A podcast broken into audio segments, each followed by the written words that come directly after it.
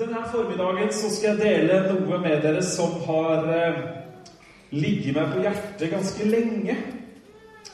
Og jeg vet ikke hvordan du er, men Noen ganger kan jeg gå og tenke på ting kanskje i ukevis og månedsvis, og så kom plutselig anledningen hvor man skulle prøve å sette noe av, noen av tankene ned på papiret. Og jeg har lyst til å snakke om noe i dag som eh, ja har forandra alt, og som fortsatt kommer til å gjøre det.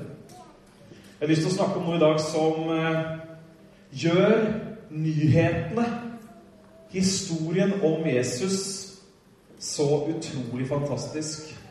Og jeg har lyst til å snakke om det som gjør at vi faktisk ikke kan si eller ta Jesus inn i en sammenligning med de andre Eller ikke med de andre engang, med religionene. Har du fått bytta kilde på prosjektoren da, broder? Ja da. Da Får jeg bildet bak der òg, eller? Nei, det gjør jeg ikke. Greit. Jeg har lyst til å snakke om uh, 'Amazing Grace' på norsk. Den fantastiske nåden. Jeg har lyst til å dele en historie med dere i dag i Bibelen som dreier seg om dette her fantastiske som jeg akkurat sa, at har forandret alt og kommer fortsatt til å forandre alt. Og jeg skal snakke altså om det som gjør nyhetene, det gode, det glade budskapet om Jesus så fantastisk, og som gjør det umulig å sammenligne Jesus, opplevelsen av han, med religion.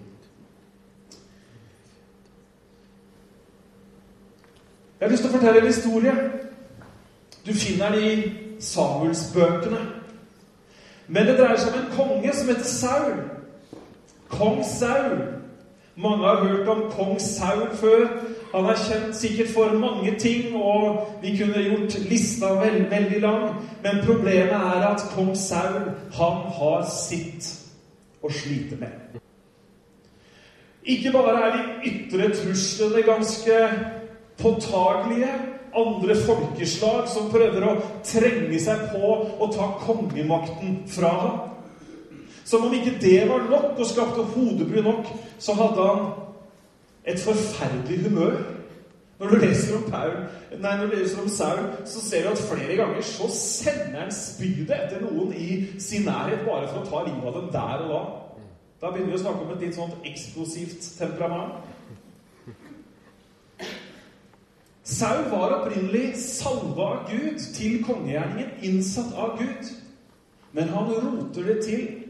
Når ikke han får de svarene han vil, så søker han svar andre steder. Han oppsøker åndemanere. Han roter den fine situasjonen som han egentlig var i, så skikkelig til.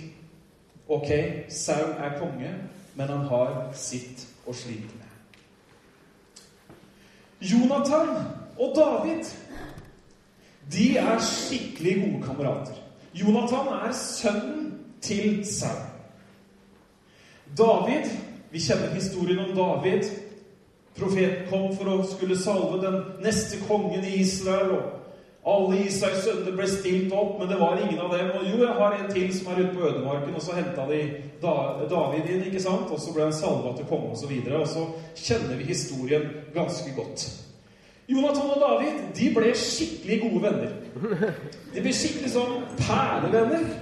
De fikk et sånt vennskap som ikke bare varer til neste, gangs, neste, til neste overgangsvindu åpner, men de ble sånn hjerte-til-hjerte-venner. Akkurat som eh, Jon Arne Riise og Steven Gerard er. Nå imponerte jeg fotballfolket her, altså. Ja. De ser ut som de er gode kamerater. Og det var Jonathan og David også. De var skikkelig gode kamerater. Det var et sterkt vennskap, og Bibelen sier faktisk at de elsket hverandre.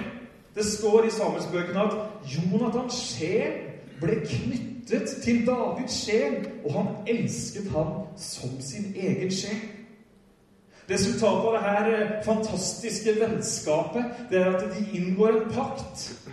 De lover hverandre at samme hva som skulle skje Dette er Bent Oves frie oversettelse. Samme hva som skulle skje, samme hva som skulle inntreffe i familiene, i livet deres, så lover de å gjøre det beste for hverandre absolutt uansett. Saul liker ikke Jonathans relasjon med David. Faktisk så er det en feil her nå. For der står det 'liker ikke Jonathan', men det skulle stått 'liker ikke David'. Mm. Kan du si David? David? Han liker ikke Jonathans forhold til David, men han liker i alle fall ikke David. Og han prøver på flere måter å få tatt liv av David.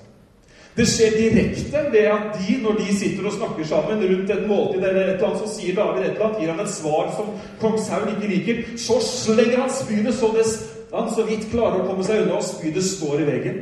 Det skjer ved at han sender han ut på sånne oppdrag som egentlig er umulig å vinne. Men det står om David. Han var en mann etter Guds hjerte. Han hadde behag hos Gud, og alt det David gjorde, det lyktes. Kanskje litt irriterende for Saul å tenke på. Jeg var også salvet av Gud, jeg var også utvalgt. Men så rota jeg det til. Men her kommer det faktisk en som jeg må prøve å få ut av banen. En gang Saul, en gang når David kommer tilbake etter at han har tatt eh, mange filistere så kommer de samme damene ut på gatene som pleier å komme ut når Saul kommer tilbake og har vunnet store seire. Og de pleier å synge, og de pleier å danse. Og en gang så kommer de ut, og så er det ikke bare at de synger og danser, men de har tatt fram tamburinene. Det er gledesrop, det er musikk. Og så sier de 'Saul, han har tatt titusener!' Saul har tatt tusener, men David, han har tatt titusener! Tenk deg for kongen å høre det. Du er liksom konge, og så er det en av hærførerne dine som opplever en større hyllest enn du sjøl har gjort. Vi husker historien når han tok filisterne av alle filistere. David beseira Goliat. Han løste en situasjon for nasjonen. Han tok bort hodebryet til Saul for en liten periode. Men Saul likte ikke David og prøvde faktisk å få tatt livet av ham. Historien går videre. Det er, det er morsom, ja, både morsom, alvorlig og interessant historie, så jeg anbefaler eh, søndag kveld lektyre, Samuelsbøkene. Så får du dette her eh, veldig detaljert. Det er utrolig mye drama. Men vi har ikke tid til det nå. Nå skal vi gå rett inn i historien der hvor Saul er død. Jonathan er død. David er konge i nasjonen.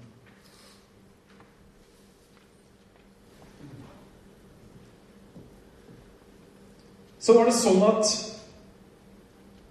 hvis man var i slekt med kongen, så var det veldig farlig å være i nærheten av den nye kongen. Hvis du var familieslekt med den gamle kongen, så var det en potensiell trussel, en arvtaker, sånn at det som fantes av rester av familien til Saul og Jonathan og alle deres hustruer og alle de andre, det var sikkert en hel masse, de var enten døde, eller så hadde de flykta så er det et, som om det er et sånt litt øyeblikk av nostalgia, som tenker David seg om. Om han våkner på natta, eller om han får et syn, det aner vi ingenting. Men plutselig en dag så sier han i andre Samuels bok, kapittel 9 Da sa David, og vi skal lese noen vers nå, så du får bare prøve å henge med. Da sa David, finnes det ennå noen som er igjen av Sauls hus, så jeg kan vise ham barmhjertighet for Jonathans skyld. Det var en tjener fra Saus hus som heter Siba. Da de hadde bedt ham komme da de hadde bedt ham komme til David, sa kongen til ham, 'Er du Siba?' Han sa, 'Jeg er din tjener.' Da sa kongen, 'Er det ikke noen igjen av Sauls hus som jeg kan vise Guds barmhjertighet mot?' Da sa kongen, 'Det finnes ennå en sønn av Jonathan, en som er lam i begge beina.' Da sa kongen til ham, 'Hvor er han?' Siba sa til kongen, 'Se, han er i huset til Maker, Amiels sønn, i Lodebar.' Så sendte kong David bud og hentet ham ut av huset til Maker, Amels sønn, fra Lodebar. Da Mefibosjet, sønn av Jonathan, sønn av Saul, hadde kommet inn til David, falt han ned på sitt ansikt, hyllet ham. Så sa David, 'Mefibosjet.' Han svarte, 'Her er jeg, din tjener.' Da sa David til ham, 'Frykt ikke, for jeg skal sannelig vise deg barmhjertighet for din far Jonathans skyld.' 'Jeg skal gi deg tilbake alt landet din far Saul hadde.' 'Du skal alltid spise ved mitt bord.' Da falt han på kne og sa, 'Din tjener, hva er han?' Siden du viser oppmerksomhet mot en død hund som meg. Kongen kalte til seg Siba, Sauls tjener, og sa til ham, 'Alt det som tilhører Saul og hele hans hus, har jeg gitt din herres sønn.' Derfor skal du og dine sønner og dine tjenere dyrke jorden for ham, høste din avlingen for ham, så din herres sønn kan ha brød å spise. Men med Mefiboset selv, din herres sønn, skal alltid spise ved mitt bord. Siba hadde 15 sønner og 20 tjenere. Da sa Siba til kongen, etter alt det min herre, kongen, har befalt sin tjener, slik skal din tjener gjøre. Og Mefiboset, sa kongen, han skal spise ved mitt bord som en av kongens sønner. Mefiborset hadde en ung sønn som het Mika. Alle som bodde i Sibas hus, ble Mefiborsets tjenere. Så bodde Mefiborset i Jerusalem, for han spiste alltid ved kongens bord. Han var lam i begge beina.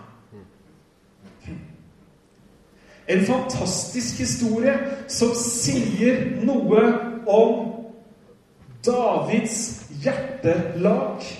Som sier noe om Davids sinnelag.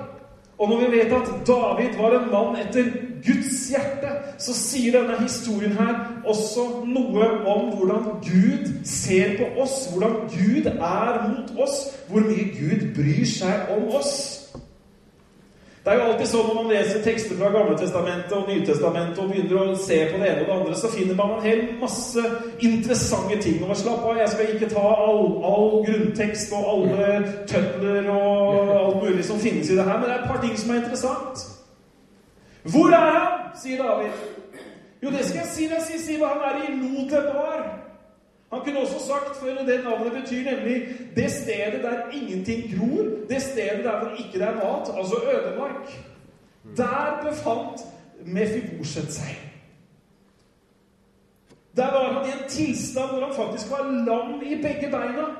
Det var nemlig sånn at under en av, en av fluktrutene, en gang hvor Sauls eh, situasjon var så trua at de måtte flykte, så falt barnepiken som hadde Mefiboset på armen, falt og mista barnet i bakken. Og det var da han ble lam. Dette kan du lese om. Det finner du ut når du tar søndagslektyren i ettermiddag. Det var historien. Men han var fortsatt sønn av Jonathan. Han var fortsatt egentlig en potensiell arving, men nå var han så fjernt fra det som overhodet mulig. Han var der hvor ingenting kan gro, der hvor ikke det finnes beite, der hvor ikke det finnes mat. Så kunne jo David ha tenkt ja, ja, hvis det er noe trøkk igjen i han der karen, så kan han vel komme og spørre om jeg kan hjelpe litt. Han må jo ville det sjøl også. Ikke sant? Nei. David, full av Guds nåde, full av Guds barmhjertighet, sender bud på ham. Reiser der hvor han er, sender opphøret sitt for å hente ham hjem. Det gjør Guds nåde med deg og meg. Bibelen sier at vi var langt borte.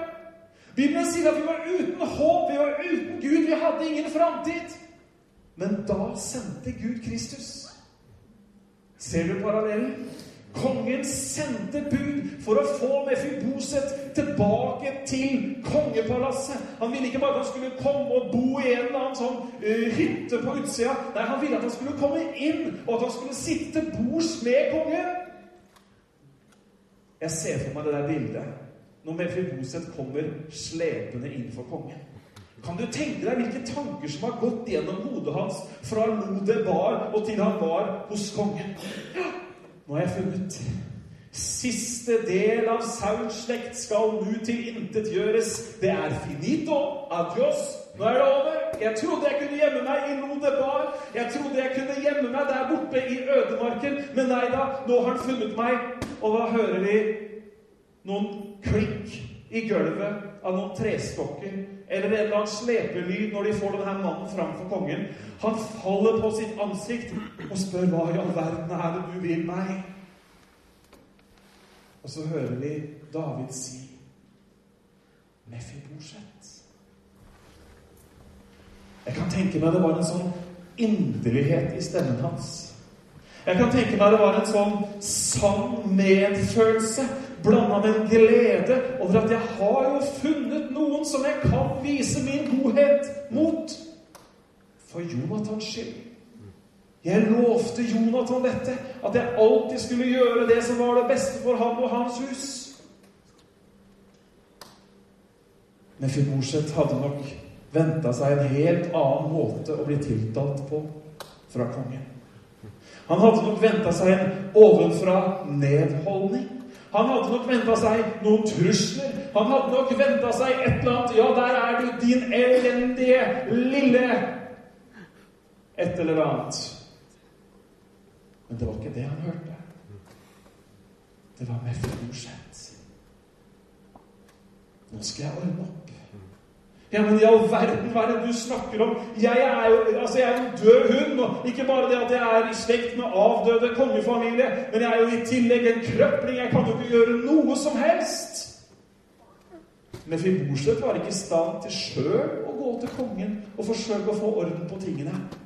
Han måtte hentes. Du og jeg, mennesker i dag, vi er ikke alltid i stand til selv å gå til Gud. Vi er faktisk aldri i stand til det. Men da er de gode, fantastiske nyhetene at Han har kommet til oss. Full av nåde. Halleluja! Full av barmhjertighet, full av miskunnhet. Og han ønsker å gjøre det samme for deg og meg som han gjorde for Mefibosjet. Så David, han var rask.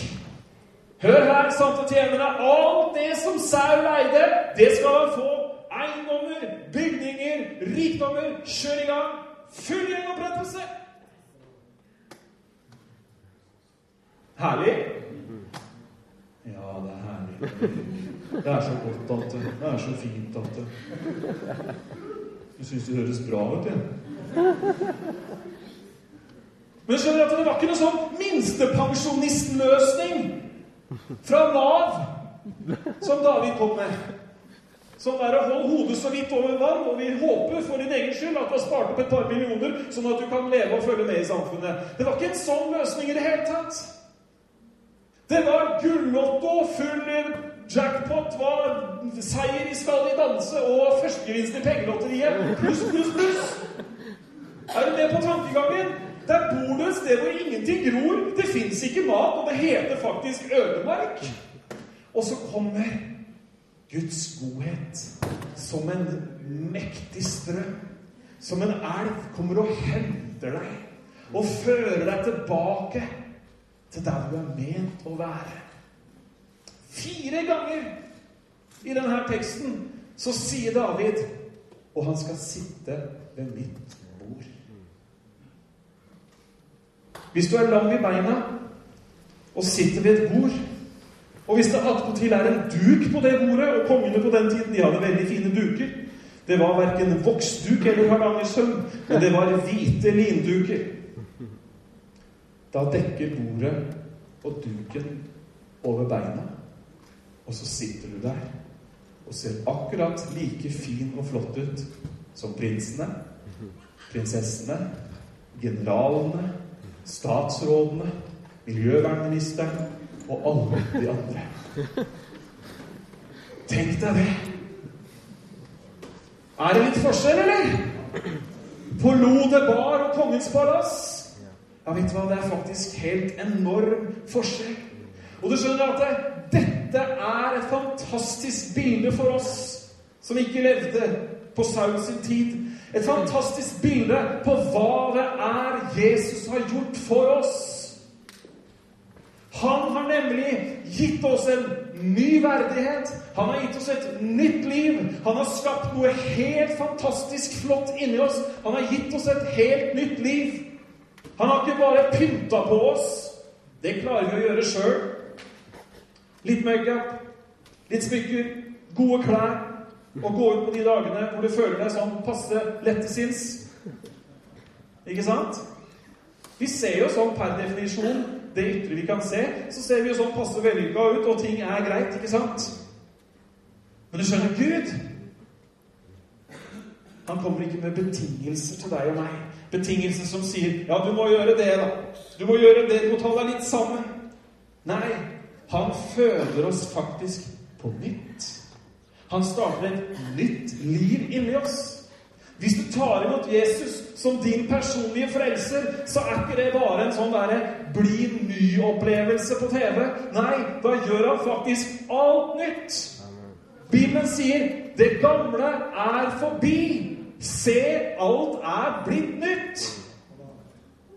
Skjønner du liksom at Jesus drev og snakka om de gode nyhetene? Skjønner du at Paulus var helt ute av seg over det her mysteriet, det fantastiske evangeliet som evna å ta mennesker opp fra et eller annet der nede og sette dem opp og gi dem et nytt liv?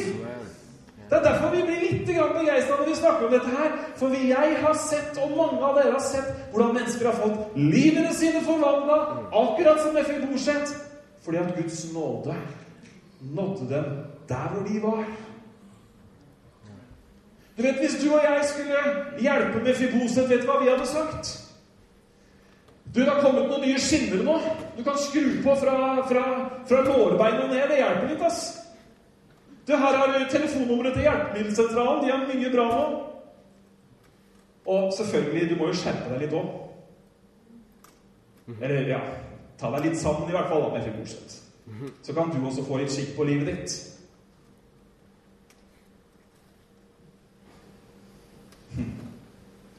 Det er menneskelig forbedringstaktikk. Også kalt religion. Fikk du med deg den?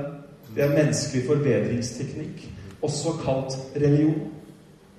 Prøv litt hardere. Skjerp deg litt. Ta deg litt sammen. Så kan det hende du får det til, du også. Men nåden Guds tilgivende kraft Guds godhet, hans gunst, hans velbehag som gis oss gratis, den gjør det. Den løfter opp, den løfter fram, den gir håp, den gir glede. Noen ganger så har Noen ganger i møte med nye kristne så har gamle kristne Kan du finne sjøl hvor du er på den alderslista? Men noen ganger så har gamle kristne forsøkt å utføre nådens oppgave. De har forsøkt å hjelpe Gud litt. De har forsøkt å komme med noen hint. Noen regler. Noen bud. Ja da, du er frelst av nåde, det er fint. Men så er det nemlig sånn, skjønner du, at hvis du gjør sånn og sånn og sånn, da kan det hende det går litt bedre. De har ikke hatt noen nådegave, disse gamle kristne, men de har tatt nådens oppgave. Vi er frelst av nåde. Ingen kunne gjøre noe sjøl for å frelse seg, sier Bibelen veldig klart. Men vet du hva, kjære, kjære venn, både deg jeg kjenner og ikke kjenner Nådens oppgave, nådens gjerning i oss, den slutta ikke etter at vi ble frelst. Den fortsetter. Den fortsetter. Vi kan leve i Guds nåde. Vi kan få lov til å bli fulle av Hans nåde. Paulus sier det faktisk i 2. Eh, Timoteus 2, så sier han 'Bli sterk i nåden'. Skriver til Timoteus, du min sønn, bli sterk i nåden. Ikke bero Timoteus på hva du kan klare, hva du kan prestere, men du må bero, du må legge alt over på det som Gud har gjort i Jesus Kristus. Skal du få se et herlig bibelvers. Har jeg fortsatt skjermen med meg? Bra. Men Gud er rik på miskunn. Det kunne stått han er rik på nåde. Og på grunn av sin store kjærlighet, som han elsket oss med, gjorde han oss levende sammen med Kristus. Da vi var døde i overtredelsene. Skjønner du at din historie, vår historie, ligner veldig på Mefiboshets historie? Av nåde er dere frelst. Og han satte oss sammen med ham i den himmelske verden, i Kristus Jesus, for at han i de kommende tidsaldre kunne vise sin nådes overveldende rikdom i godhet mot oss i Kristus Jesus. Hele Mefiborsets liv, eller hele Mefiborsets historie, som vi leste, den finner du her. Situasjonen for et menneske Kanskje du er her også i formiddag som ikke har tatt imot frelsen fra Jesus, er at vi er døde i vår ånd. Vi er døde i vårt åndsliv.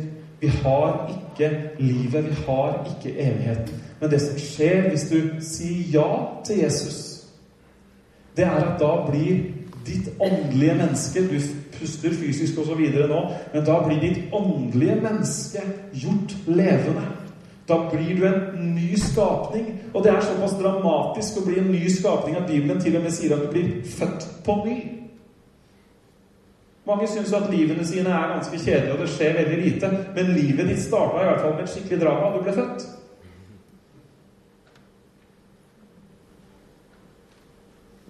Når du tar imot Jesus, så starter det her fantastiske livet. Og det livet er ikke ment som en livsforsikring eller en religiøs følelse på ryggen hver julaften. Men det er ment at du og jeg skal være i den himmelske verden i Kristus. Mefiborset, han fikk plass ved kongens bord. Tenk deg, det må ha vært litt rart neste kveld hvor det var middag. Sikkert ikke alle som hadde fått med seg hva som hadde skjedd. Så kommer de kongelige, den kongelige familien. Noen av de største militære personlighetene var sikkert inne og spiste middag hvis ikke de var ute på tokt. Jeg er en til her i dag. Ja Og hvem er du? Så skyter David inn. Det står her vi leste akkurat. Han er min sønn. Det er ganske heftig. Det er ganske fantastisk. Og det er det Jesus har gjort for oss. Han har ikke gjort oss til religiøse slaver. Men han har gjort oss til sønner og døtre. Han har ikke bare gjort oss til fosterbarn i sin familie, men han har adoptert oss inn i sitt rike. Vi er hans. Vi er, vi er Guds barn. Kanskje vi skal begynne å kalle oss Guds barn istedenfor å kalle oss alle mulige andre venner med ulike høytidsnavn foran? Vi er barn av Gud. Hvis du er barn, sier Paulus, ja, men da er du arving også, da. Jeg har, jeg har gått gjennom familietreet mitt et par-tre ganger for å se finnes det noen der ute som jeg kan arve fra. Jeg har sånn cirka oversikt over de jeg kjenner, og det ligger ikke an til at jeg får noen gledelige overraskelser på den fronten der. Dessverre. Men det betyr egentlig ikke så veldig mye, fordi at jeg er jo arving av ham. Hallo! Jeg er jo arving av ham. Og hva er det han gjør? Jo, han gir. Han er rik. Han er god. Han ønsker å overøse oss med sine rikdommer. Se hva det står. Han satte oss. Hvorfor satte han oss i den himmelske verden med, med Jesus Kristus? Jo, for at han i tiden som kommer ikke fall helt av, for det står tidsalder og noen sånne ord som ikke står i Donald Duck. Men han, for at i de den, den tida som ligger foran, så skulle han ha noen å vise godhet mot. Å vise nåde. Og vet du hva? Det er deg han vil vise sin nåde.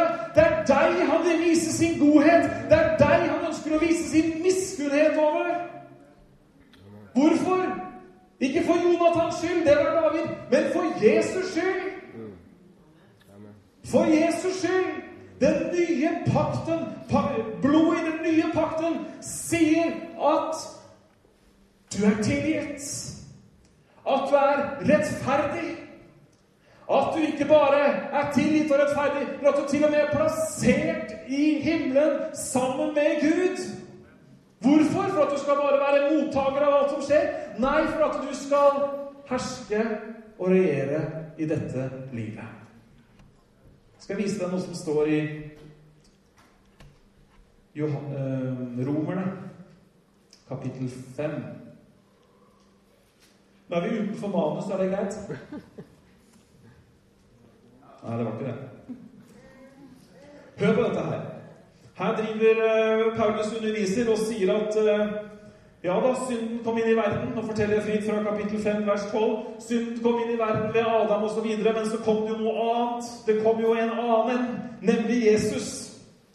Og der står det i 17, kapittel, vers 17 For om døden fikk herredømme ved den ene, altså Adam, ved dette ene fall, så skal da de som tar imot nådens overflod og rettferdighetens gave, desto mer ha liv og herske ved den ene Jesus Kristus.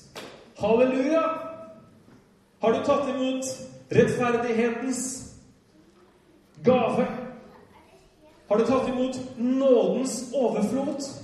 Vet du hva, Det er så mange av de som kaller seg troende og kristne, som går rundt med en sånn litt 'unnskyld at jeg er tilholdning'. Og som lurer på hvordan er det da? Kan det være at Gud kunne finne det greit å velsigne meg lite grann? Tenk på David. Han sendte bud til Mefiboset der hvor han var. Han kunne ikke gå sjøl. Han klarte ikke å ta hånd om seg sjøl. Men nåden henta han fra det stedet der hvor ingen mat fantes. Og så førte det han inn i kongens palass i Jerusalem, der hvor det alltid var mat på bordet.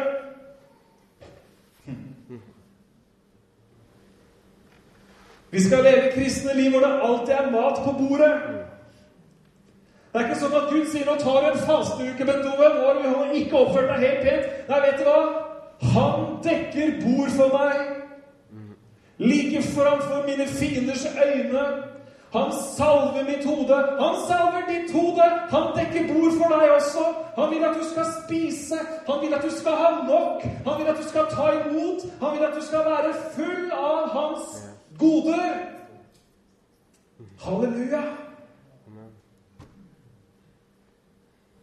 Mefiboset satt ved kongens bord.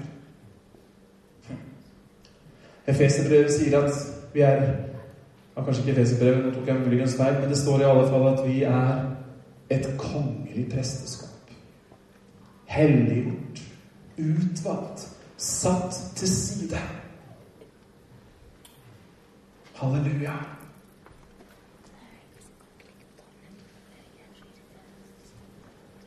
Jeg skal uh, slutte av med noen utrolig herlige vers i Johannes evangelium.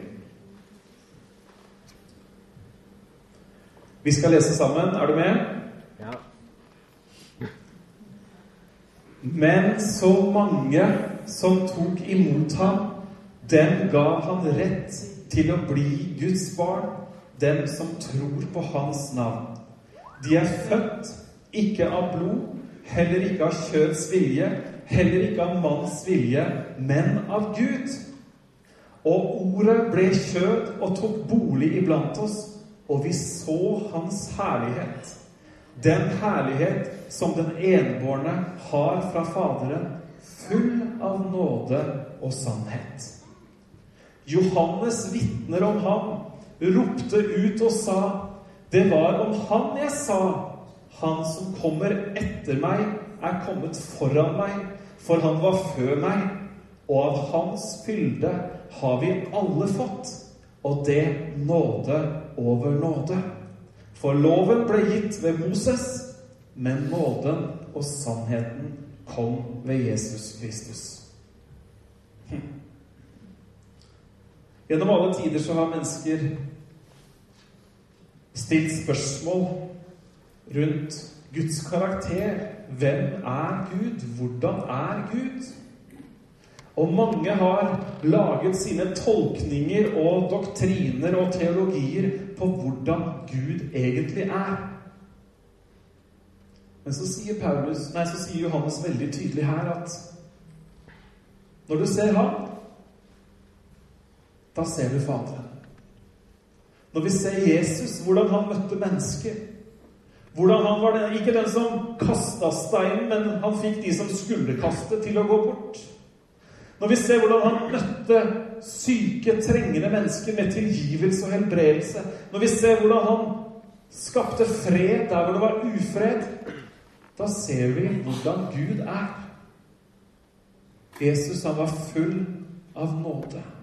Full av sannhet. Og ved å se på ham så skjønner vi hvem Jesus er. Ved å studere Jesus får du et utrolig riktig og godt bilde av Gud. Og det er Han som har fylt livene våre. Det er Han vi har tatt imot. Det er den nåden du og jeg har tatt imot, og som vi kan få lov til å leve i hver eneste dag. Ikke som en engangsopplevelse, en eller annen gang var Gud meg nådig, og jeg tok imot frelse. Men som en kontinuerlig prosess. Leve i Hans nåde. Men Fiborset han fikk ikke sitte ved kongens bord én gang. Nei, det står seinere i Samuelsbøkene at han satt alltid ved kongens bord. Det David hadde gjort for Mefiborset, det varte. Posisjonen hans ble riktignok trua av noen ting og tang, men de ordna opp så det varte. Det Jesus har gjort i livet vårt, hans frelse, hans nye liv, hans kraft, det varer til evig tid. Det er nesten for godt å være sant at vi uten eget strev, og vi uten å prøve å prestere noe, skulle få oppleve den godheten. Men så overveldende er den godheten at man faktisk får det. Og da skjer det noe når man opplever en sånn godhet som ikke er en betaling for noe du har gjort. Så blir den godheten, den nåden i livet, det gjør at vi ikke går bort fra Gud. Det gjør at vi ikke synder mot Gud, men at vi faktisk følger Ham fordi vi ønsker å oppleve og leve i det som Han har gjort i livene våre. Derfor så sier Romerbrevet 2.: Ved skjønner du ikke at Guds godhet leder oss til omvendelse? Halleluja. Vi skal be sammen. Skal vi alle bare lukke øynene der hvor vi sitter? Jeg kjenner ikke alle som er her i dag, og Derfor vil jeg gjerne gi en anledning til du som har sittet og hørt i dag, og som kanskje ikke har tatt imot Jesus. Kanskje du kjente deg delvis igjen i Mefiboset. Kanskje ikke du akkurat har adresse Lodebar, men kanskje du allikevel føler deg langt borte. At ting er tomt. Guds nåde vil hente deg hjem igjen i dag. Du kan få ta imot Jesus. Du kan få si 'Ja, jeg vil komme'. Ja, jeg vil ta imot ham. Og så får du faktisk da, som Mefiboset, så får du en helt ny posisjon. Jesus han ønsker å tilgi deg all urett. Han ønsker å gi deg et nytt liv. Og du trenger ikke å vente til du har tatt deg sammen til et visst nivå, til du har slutta med dette og begynt med dette. Nei, i dag, sier Bibelen, er nådens dag. For et herlig bibelvers. I dag er nådens dag. I dag kan du ta imot Guds nåde. Du kan ta imot den invitasjonen, og så kan du si Ja, Jesus, jeg kommer til deg. Hvis det er noen her som ønsker det, kan ikke du bare rekke opp hånda der hvor du sitter, så skal vi be spesielt for deg når vi ber alle sammen etterpå. Var det noen som har lyst til å ta imot nåden? Ta imot Jesus Kristus. Guds godhet som er strekt mot deg, ikke fordi du fortjener det, men fordi Han er så god.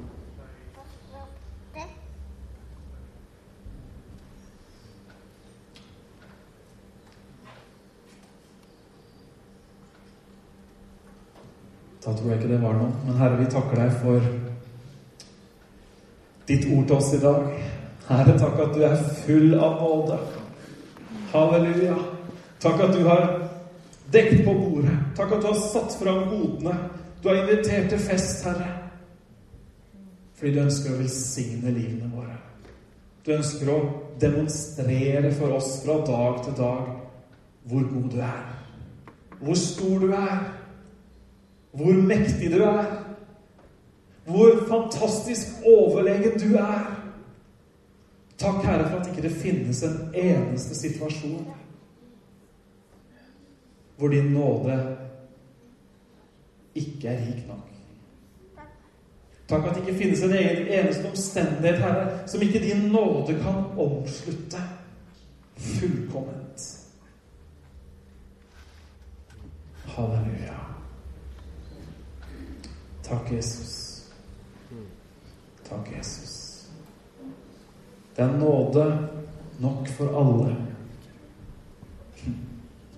Det er Nåde nok for deg. Skal vi reise oss opp, og så priser vi Herren sammen?